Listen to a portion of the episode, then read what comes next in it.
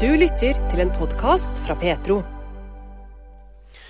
Du hører på Petro, og nå skal det handle om noe så vanlig som møte med mennesker. For vi har gjerne erfart at det er noe som kan glede oss nettopp det, ja. I serien 'Dette har gjort meg glad' skal vi i dag snakke med Daniel Gjøvland Hals. Han er 24 år og fungerende leder for Misjonssambandet sitt barne- og ungdomsarbeid på Sørlandet. Og det å bli kjent med mennesket, det er faktisk noe som gleder han, også i jobben hans. Du, eh, Det som jeg tenkte litt på, er i forhold til den jobben jeg har nå. Og eh, hva jeg er takknemlig for eh, innenfor arbeidet. Og da var det dette som kom fram, da. Det var det å få bli kjent med så mye forskjellige folk gjennom arbeidet. Det er en stor glede. For du møter ulike mennesker, eh, folk som er ansatte i Misjonssambandet, folk som er frivillig engasjert i Misjonssambandets arbeid, og folk som kommer på ulike møter og arrangement. Så, så, det å møte folk, det er vel en viktig del av jobben din? Ja, det er, en, det er en veldig viktig del av jobben. og eh, kanskje noe av det viktigste med jobben. Så vi jobber med folk, og det, det, er veldig spennende. Så er det en del administrativt arbeid òg. Så eh, det er kanskje ikke der jeg føler jeg er best. ja. Men eh, det, jeg føler jeg blir bedre på det. Men det du er best på da, eh, handler det om møte med mennesker, eller? Ja, det er, det er i hvert fall det jeg liker best. Det er vel kanskje ofte sånn at en liker best sjøl det en best i òg. Hvordan eh, kom du inn i denne jobben du har nå, da? For du begynte nå som fungerende eh, ungdomsleder, Du er et vikariat dette her, nå ved årsskiftet i januar, og har jobba nå snart et år? Ja, det stemmer. Så jeg har jo bodd litt rundt forbi, da, og så kom jeg hit til Sørlandet, til Kristiansand, for ca. to og et halvt år siden da, med hun jeg er gift med, som heter Bodil. Og Da kjente jeg vel egentlig ingen. Og så eh, viste det seg da tilfeldigvis at eh, naboen, eh, han som var naboen min, da, var regionsjef. Så ble jeg kjent med han, og så Egentlig litt sånn tilfeldig, og så spurte han meg da eh, egentlig sånn rundt juletider om jeg kunne steppe inn som vikar i Misjonssambandet. Så det var, det var veldig kjekt å bli spurt. Så da søkte du og fikk altså denne jobben her, eh, der du stadig møter mennesker.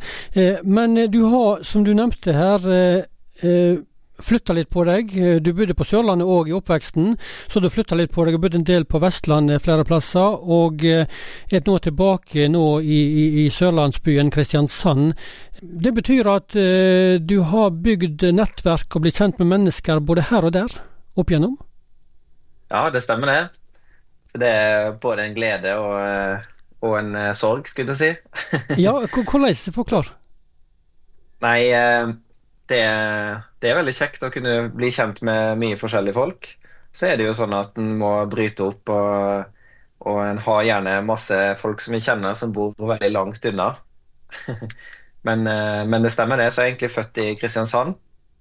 Så jeg er jo i hjembyen teknisk sett. Og så har jeg vokst opp en liten plass som heter Åmli.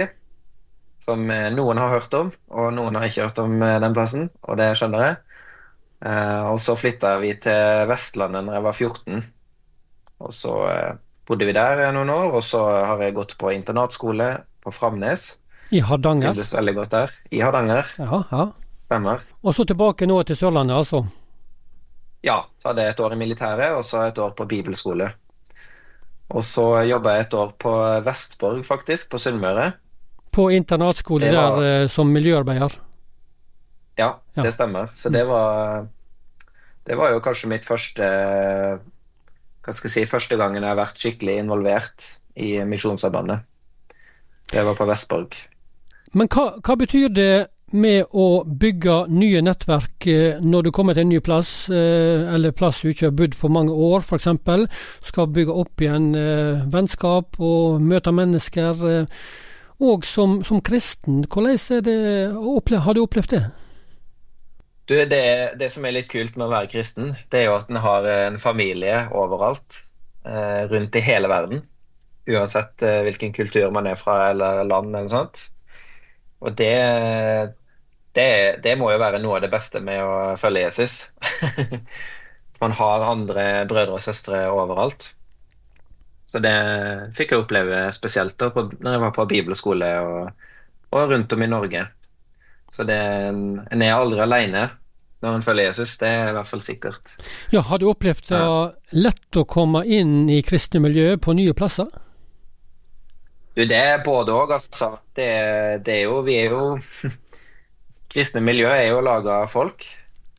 Eh, og vi folk har mange positive eh, egenskaper og negative egenskaper. Og det er nok litt både òg.